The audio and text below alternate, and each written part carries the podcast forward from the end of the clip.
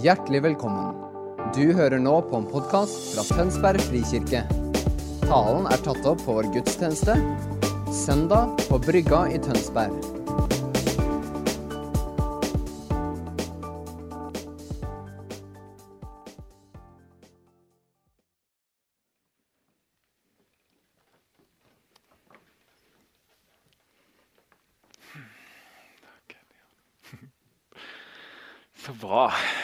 Det var herlig.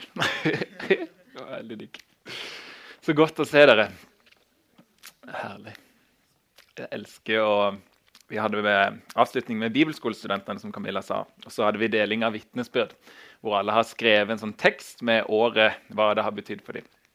Og da er jeg veldig fan av det å bare stoppe opp før man deler, og liksom se folk i øynene.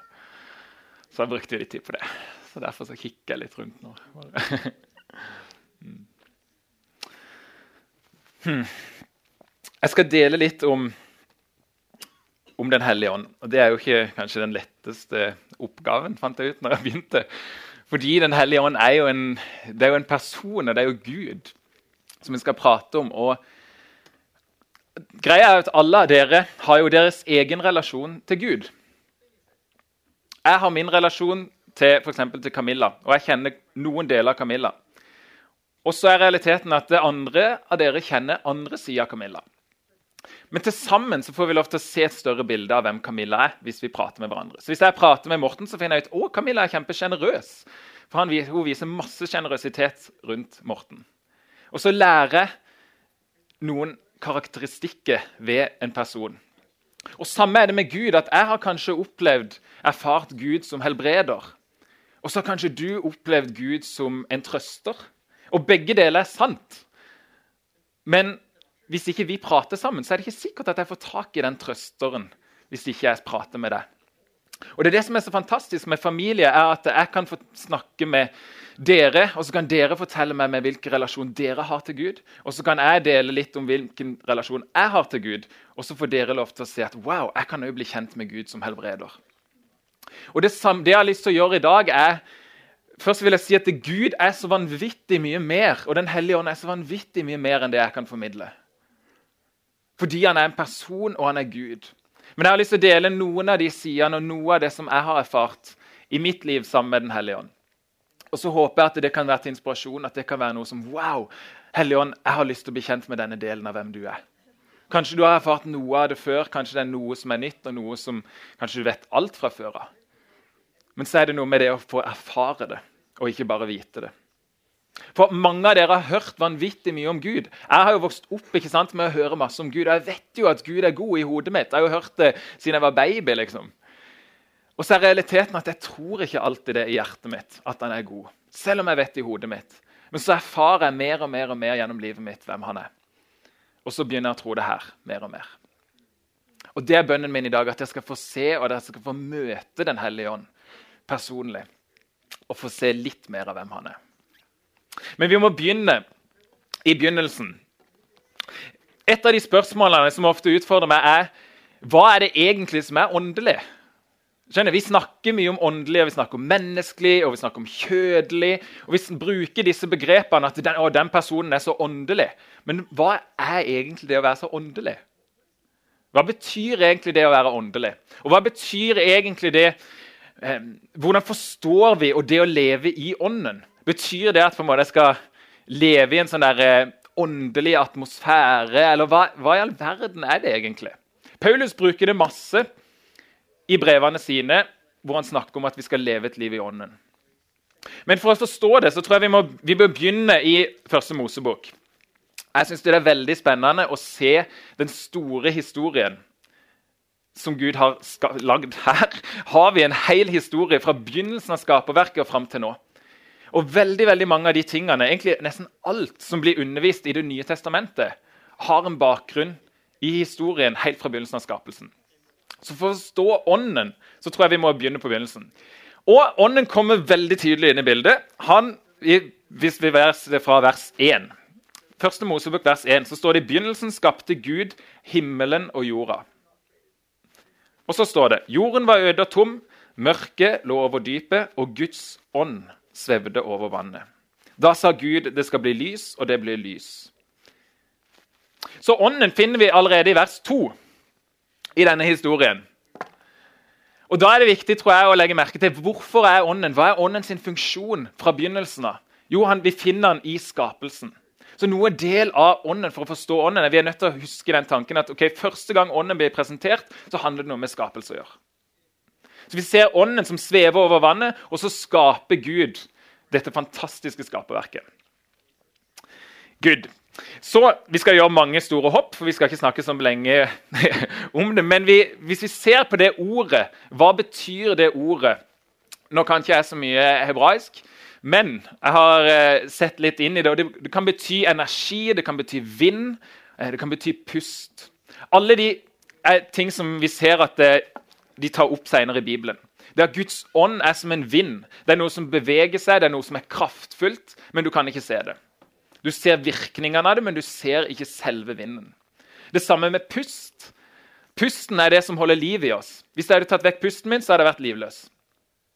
Så I det forståelsen så er det det som gir liv, det er det som er kraftig, og det er det som skaper.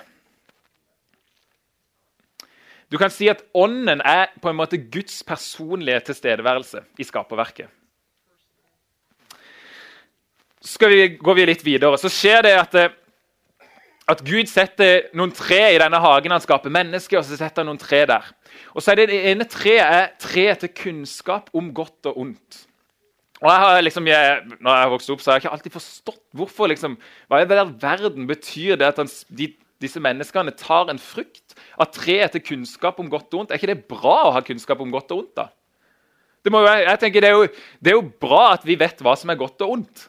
Så når mennesket tar en frukt og tar av dette treet, så har jeg tenkt, jeg har ikke helt forstått hvorfor er dette feil. Liksom. Hvorfor er det feil at Adam og Eva tok av dette treet?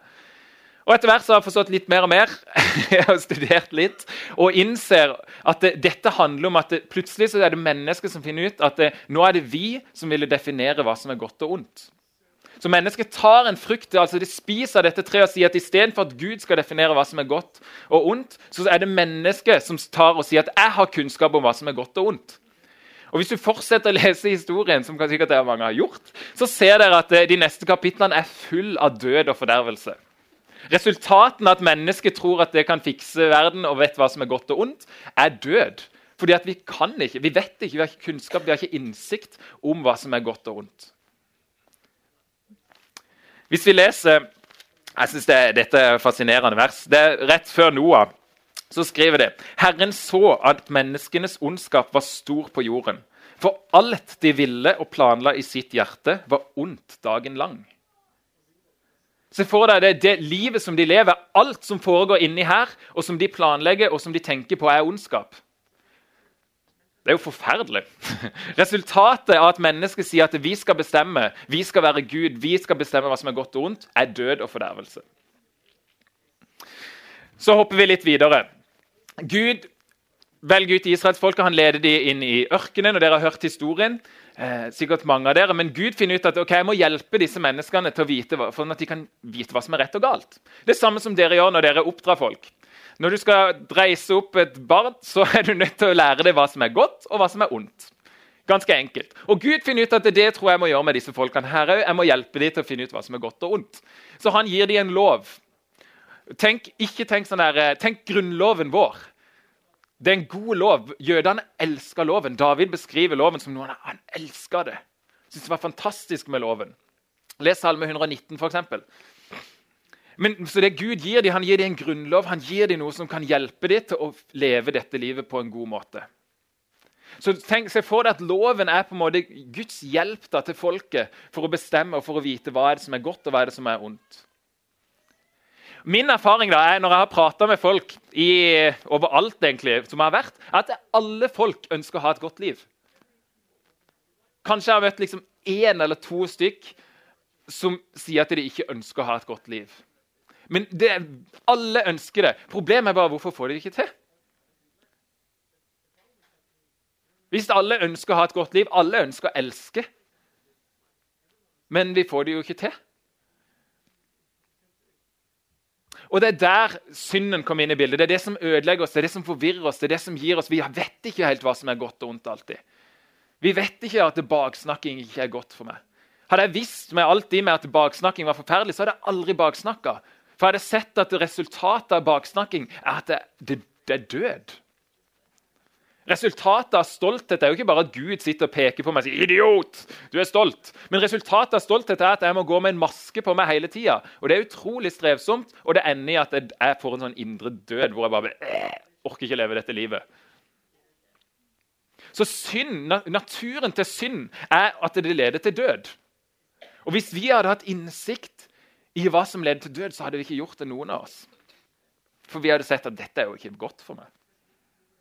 Og så er Guds lengsel det er at vi skal vokse opp som barn. Det var jo ikke, Guds tanke var ikke at vi aldri skulle få kunnskap om godt og ondt. Guds tanke var bare at han ønsker å lære oss det, istedenfor at vi skal tro at vi kan det sjøl.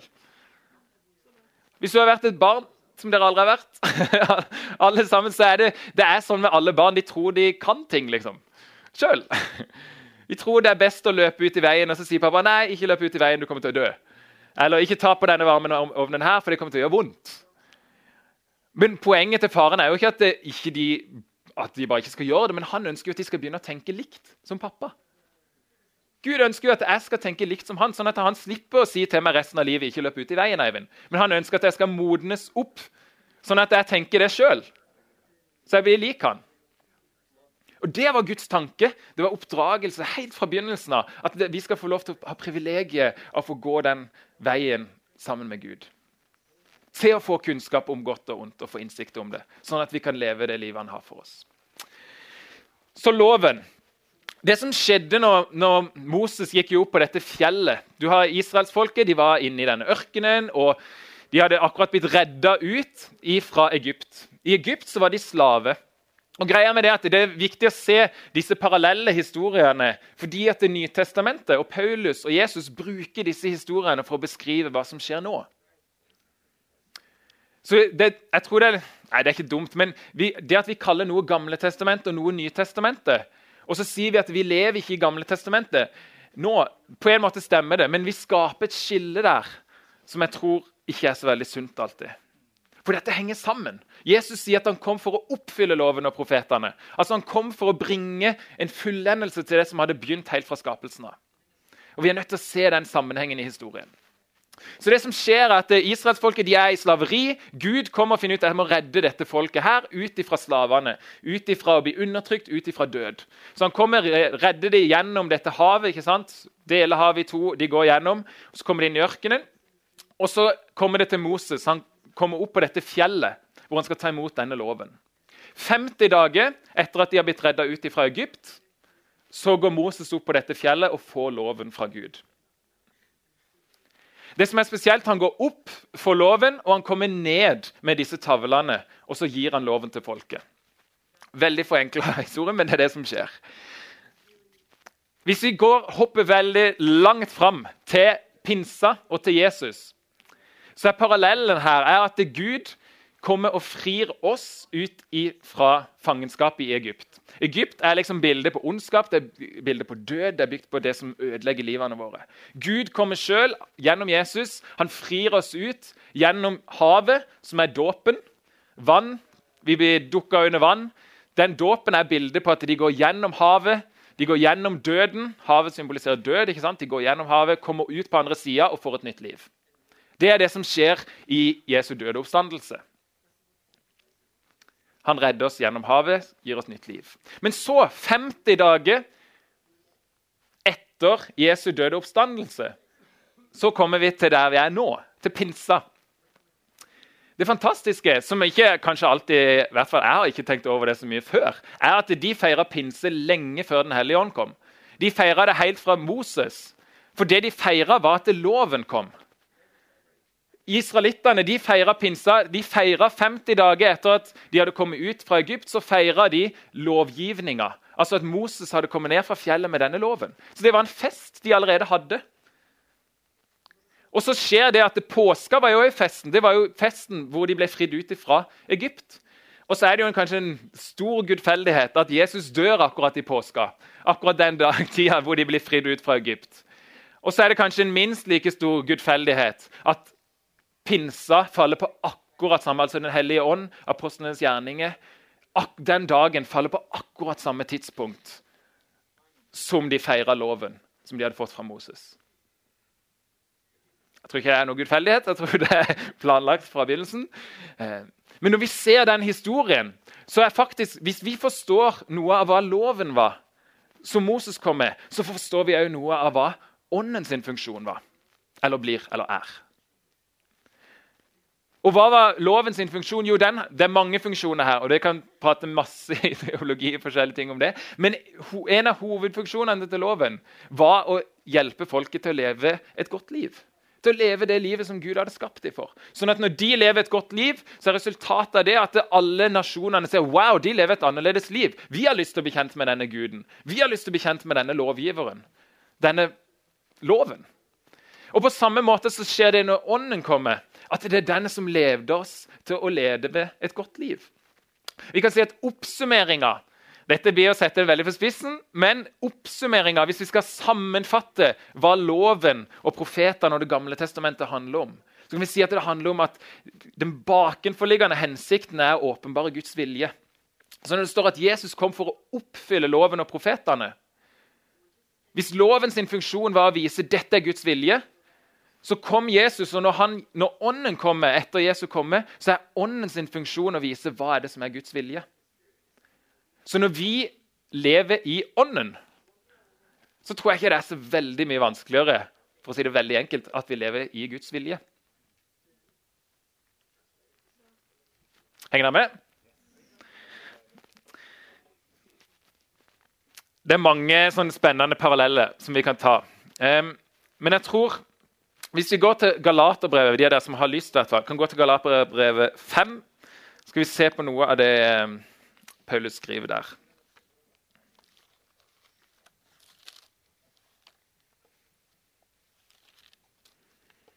Leser fra 5, vers 16. Nei, vi leser faktisk litt skal vi se, vers 13. Dere søsken er kalt til frihet. La bare ikke friheten bli et påskudd for det som kjøtt og blod vil, men tjen hverandre i kjærlighet. Og hør nå, For hele loven blir oppfylt i det ene bud. Du skal elske de neste som deg selv. Så han sier at det er alt det som loven Hvis du skal bare sammenfatte alt av loven, hele denne historien, så blir det oppfylt. Det, det, sammenfattes i denne ene tingen. Altså Hensikten med alt det som har vært, er å bringe oss fram til å elske. Til å elske mennesket og til å elske Gud. Så han sammenfatter det. Og så fortsetter han i vers 16. Jeg sier dere, lev et liv i ånden. Han har akkurat snakka om loven, så han bruker hvis vi leser Paulus, så bruker han ånden og han bruker loven som to sånne motsetninger. Han bruker dem for å beskrive en ting. Han sier 'lev ikke i loven, men lev i ånden'. Og Det kan være litt forvirra, for han bruker loven på noen forskjellige måter. Så jeg skal ikke gå så mye inn på det. Men, men se for dere at det, før så handla det om at det, vi må følge disse her budene for å få det, dette livet. Og så var realiteten at De klarte jo ikke å følge disse budene. Og Så sier, kommer Jesus og sier at nå har dere fått en ånd som gjør at dere følger disse budene inni dere. Så Det som dere før ikke klarte å gjøre sjøl, det klarer dere å gjøre nå. Hensikten med alt det dere skulle gjøre før, var å elske folk. Og nå får dere en ånd, altså dere får kjærligheten sjøl som tar bolig inni dere, sånn at dere elsker folk. Og det han beskriver, er jo på en måte, Nå fortsetter han, og så snakker han om Vi kan lese det, for det er jo litt spennende. Jeg sier dere, lev et liv i ånden. Da følger dere ikke begjæret i menneskets kjøtt og blod. For kjøttets begjær står imot ånden, og åndens begjær står imot kjøttet. Disse ligger i strid med hverandre, så dere ikke gjør det dere vil. Men blir dere drevet av ånden, er dere ikke under loven. Det er klart hva slags gjerninger som kommer fra kjøttet Hor, umoral, utskeielser, avgudsdyrkelse, trolldom, selvhevdelse, stridigheter, splittelser, misunnelse, fyll, festing og mer av samme slag. Jeg har sagt det før, og jeg sier det igjen. De som driver med slikt, skal ikke arve Guds rike. Det er de som lever feil. Det skjønner dere? Det er ganske lett å se. Det er de som ikke ser hva som er Guds vilje. Men så sier han men åndens frukt, det er kjærlighet. Glede, fred, overbærenhet, vennlighet, godhet, trofasthet, ydmykhet og selvbeherskelse. Slike ting rammes ikke av loven. De som hører Kristus til, har korsfestet kjøttet med dets lidenskaper og begjær. Lever vi ved Ånden, så la oss også vandre i Ånden. La oss ikke være drevet av tom ærgjerrighet, så vi utfordrer og misunner hverandre. Så hopper vi til vers 6-8. Den som sår i sitt eget kjøtt, høster fordervelse av kjøttet. Men den som sår i ånden, høster evig liv av ånden. La oss ikke bli trette mens vi gjør det gode. Når tiden er inne, skal vi høste, bare vi ikke gir opp. Så la oss gjøre godt mot alle så lenge det er tid, og mens, mest mot dem som er vår familie i troen. Så han oppsummerer det med å leve et liv i ånden, med å gjøre godt mot folk. Det er poenget mitt. De som lever et liv i ånden, det er de som lever etter Guds vilje, og Guds vilje det er kjærlighet. Grunnen til at jeg liksom ønsker å ta oss hele denne veien, er fordi at det, når vi da spør det, spør det spørsmålet på nytt hva er det egentlig å leve i ånden?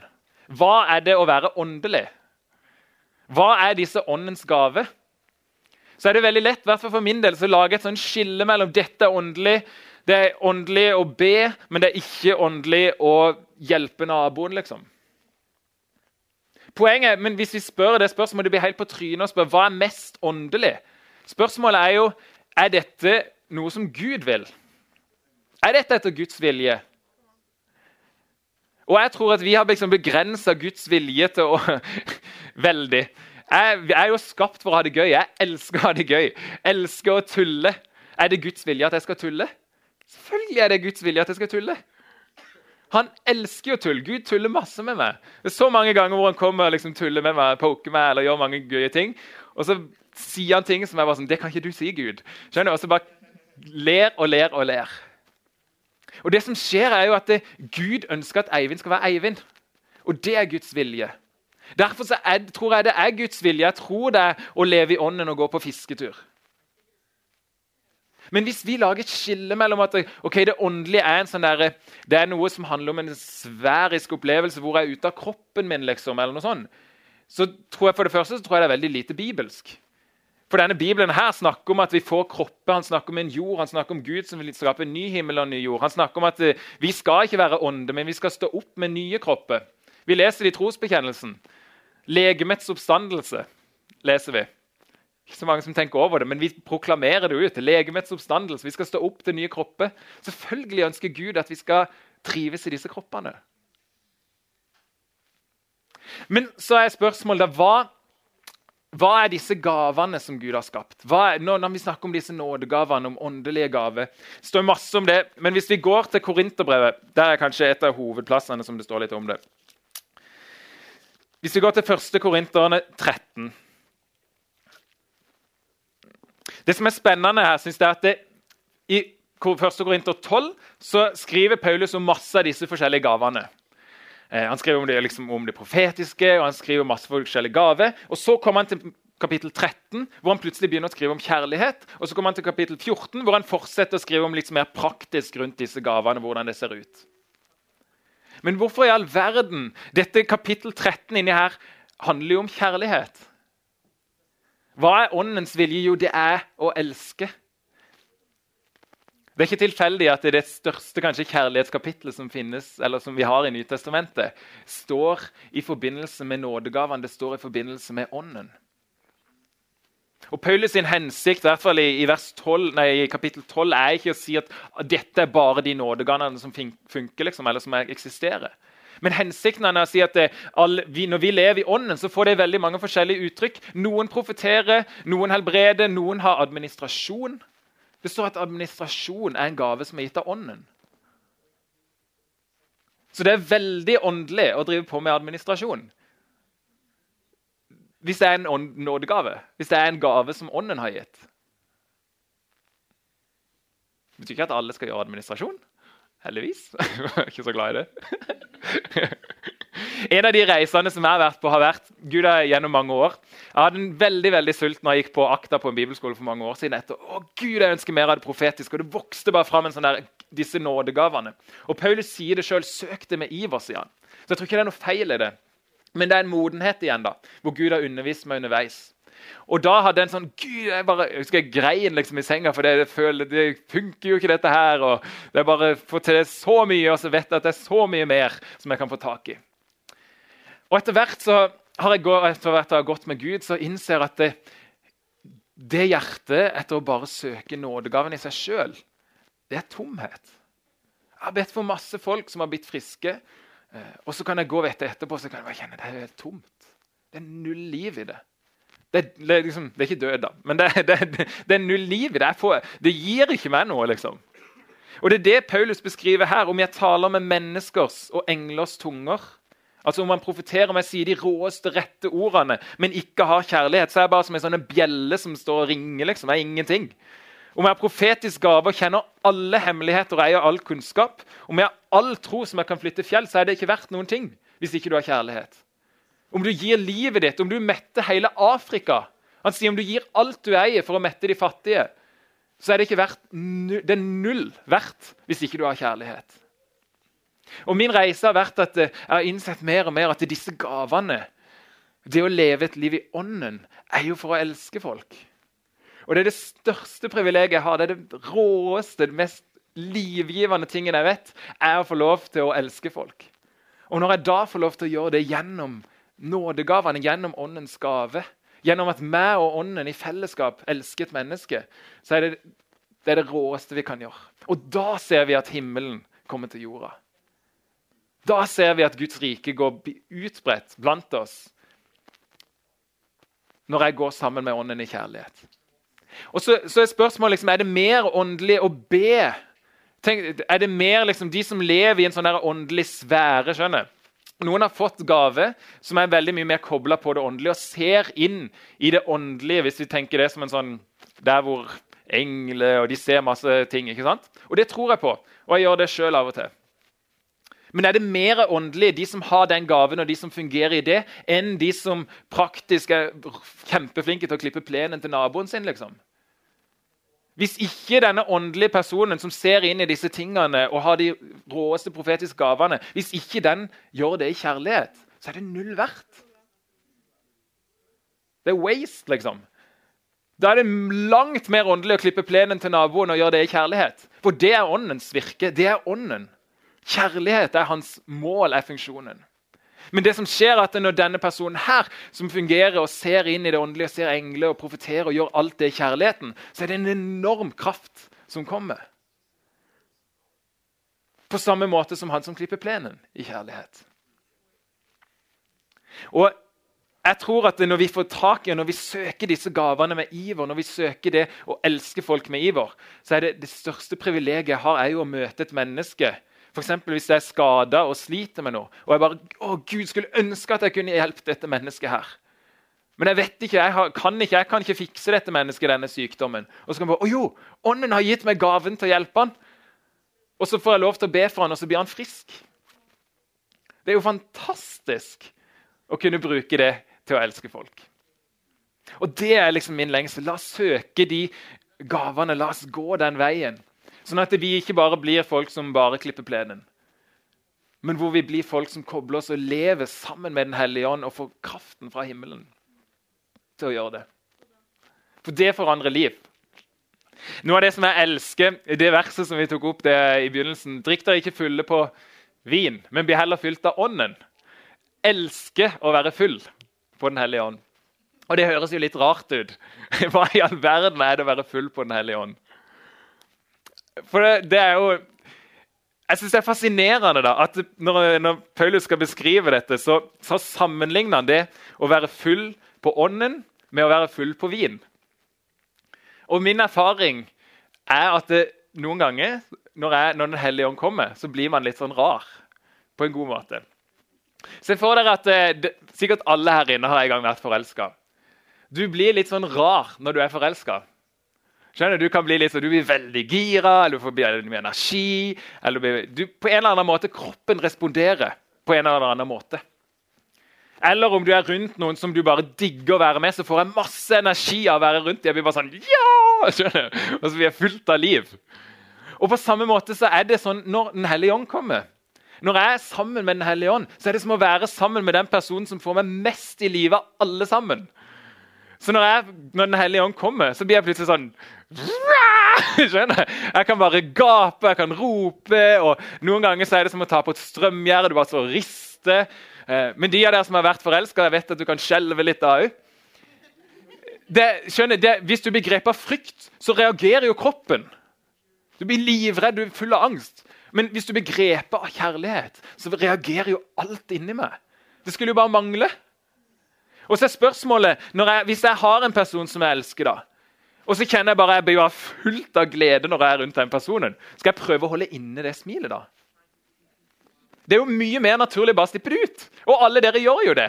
Hvis du smiler, så vil du smile. skjønner Og det som skjer er at Når jeg er sammen med Den hellige ånd, så skjer jo det at Men selvfølgelig vil jeg le når jeg er sammen med min beste kompis. liksom.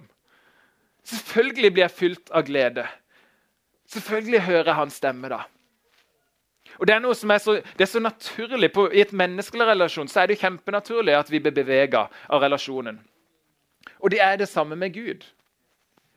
Og jeg tror at Når vi tør og når vi går den veien og bare Gud, lær meg til å elske det, lær meg til å slippe dette fullstendig ut, så ser det litt rart ut. Når ånden, Den hellige ånd kom på pinsedagen Vi ber jo om at Den hellige ånd skal komme, men resultatet av det var jo at eh, alle folkene trodde de var fulle. Og det er helt sikkert noen ganger som folk har trodd jeg har vært full. Men, men frykten av det er jo god. Det som skjedde etterpå var at masse folk ble lagt til menigheten. Det som skjedde var at De elska folk. Det var ikke bare en Det å le er jo en god frykt. Skjønner? Det er jo ikke dårlig å le. Det er fantastisk å le. Og det som skjer er at Når ånden kommer, er at ser, noen ganger så ser vi litt rare ut. Vi ser litt forelska ut, vi ser litt tullete ut. Men frykten av det tror jeg er god. Eller det er godt å leve i ånden. Og det som skjedde Ånden kommer. Husker det, var det, Hvor var førsteplassen vi så ånden? Jo, det var i skapelsen. Når ånden kom på pinsedagen, så står det at han fylte huset. Det kom som en vind og en lyd. Og det fylte huset de var samla i, og det kom som ildtunge over dem. Det som skjer at når ånden kommer, er at det, det fyller vårt hus. Vi er huset, vi er det nye tempelet. I Gamle testamentet så fylte ånden tempelet. I Nye testamentet nå så fyller ånden oss. Jeg blir full på Den hellige ånd. Jeg blir fylt opp av Den hellige ånd. Istedenfor å drikke vin så blir jeg full på ånden. Jeg blir fylt opp med et livgivende nærvær. Og det som skjer, er at det er en ny skapelse. På samme måte som ånden skapte helt i begynnelsen, så kommer ånden over oss, og så bringer vi den nye skapelsen. Så når vi er fylt av ånden, når jeg er fylt av ånden, når jeg er full på Den hellige ånd, så skaper vi Vi utbrer Guds rike der vi går, fordi at ånden er i oss. Fordi det er, han, det er jo først og fremst han som skaper og som former denne verden. Men det skjer, han valgte at det, I begynnelsen så svevde han over vannet sjøl. Men nå så svever han liksom Vi svever over jorda. Vi reiser. Vi, Jesus sier, 'Gå derfor ut, fyll hele denne jorda.' Gjør alle folkeslag til disipler. Så ånden er i oss, og så sender han den ut. Og så svever vi litt sånn rundt forbi over hele jorda. Og der vi går, så skapes den nye skapelsen. ikke det er fantastisk? Derfor er liksom det som jeg elsker, er å bli fylt av ånden. Det som for praktisk for meg så ser det ut som veldig mange ganger hvis er liksom, enten om jeg er på besøk en plass, eller om jeg skal tale en plass, eller hva enn jeg gjør, så går jeg bare og setter jeg meg bare med Helligånd, så bare Helligånd, og så bare er jeg der sammen med han. Og da, Når han kommer, og når vi prater sammen, så, det, så får jeg den der rare energien. holdt jeg på å si, Hvor han bare blir fylt opp. Og så blir man fylt av en glede, av en fred. Det ser veldig forskjellig ut. Den Favorittingen min med Den hellige ånd er å bli trøsta, tror jeg. I hvert fall akkurat nå. Så er liksom den, Det å få trøst det siste året, å få trøst av Den hellige ånd, det er kjempeunikt. Å bli trøsta det er kanskje den mest den intime, relasjonelle tingen jeg kan på en måte ha. Se for deg de, de, menneskelige relasjonene. Hvor intimt er ikke det å få trøst av noen? Og det som skjer er at Når jeg blir fylt av trøst, eller om jeg blir fylt av glede Men når jeg lar Ånden, ånd, Hellig Ånd Hvordan kan jeg ha denne relasjonen med deg? La jeg ønsker å gå denne dagen sammen med deg. så tar man imot, og så blir man fylt opp. Og det er så mye bedre enn å bli fylt på vin. Ja, Det vet jeg ikke, jeg har ikke vært så full på vin, da. Men det står i hvert fall her. Gud. Da tror jeg vi bare skal be litt. Lovsangstime kan komme opp. Um, og så ønsker jeg Vi skal bare, kan ikke bare sammen bare be Helligånd Vi bare inviterer han til å bare komme og til å være Til å bringe den nye skapelsen gjennom oss, til å bli kjent med oss. Det står at vi kan bringe Den hellige ånds sorg. Er ikke det fantastisk? Det høres kanskje litt rart ut, men tenk deg, vi, jeg har så tett relasjon med Den hellige ånd at jeg har muligheten å gjøre sånn at han blir lei seg. Det betyr, det betyr, jo ikke, det er jo ikke en sånn negativ ting, nødvendigvis. Men, men tenk at jeg kan få lov til å gjøre Den hellige ånd glad. Jeg har så intim, så Gud er så tett og nært på mitt liv at jeg har muligheten til å påvirke hans humør. Til å påvirke hans følelser. Den tette relasjonen ønsker Den hellige ånd å ha med oss. Og det ønsker vi. Så Hellige ånd, du, vi bare digger å være sammen med deg, Hellige ånd. Og Det ser så forskjellig ut. Vi har så, alle også ulike relasjoner med deg. Men det er én ånd, og det er den samme ånden som vi alle kjenner. Og jeg ber Helligånd, må du sammen med oss nå vise oss en større bit av hvem du er.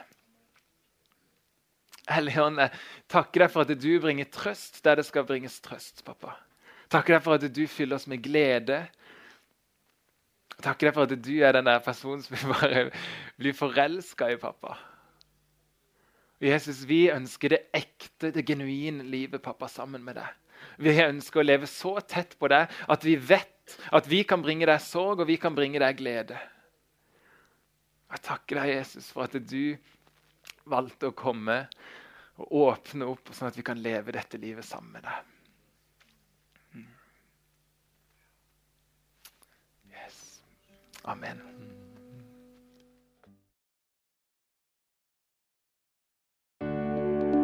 Takk for at du hørte på vår podkast. Har du spørsmål eller ønsker du å vite mer? Søk oss på vår nettside tonsbergfrikirke.no. Du er også velkommen til kirke på Brygga i Tønsberg.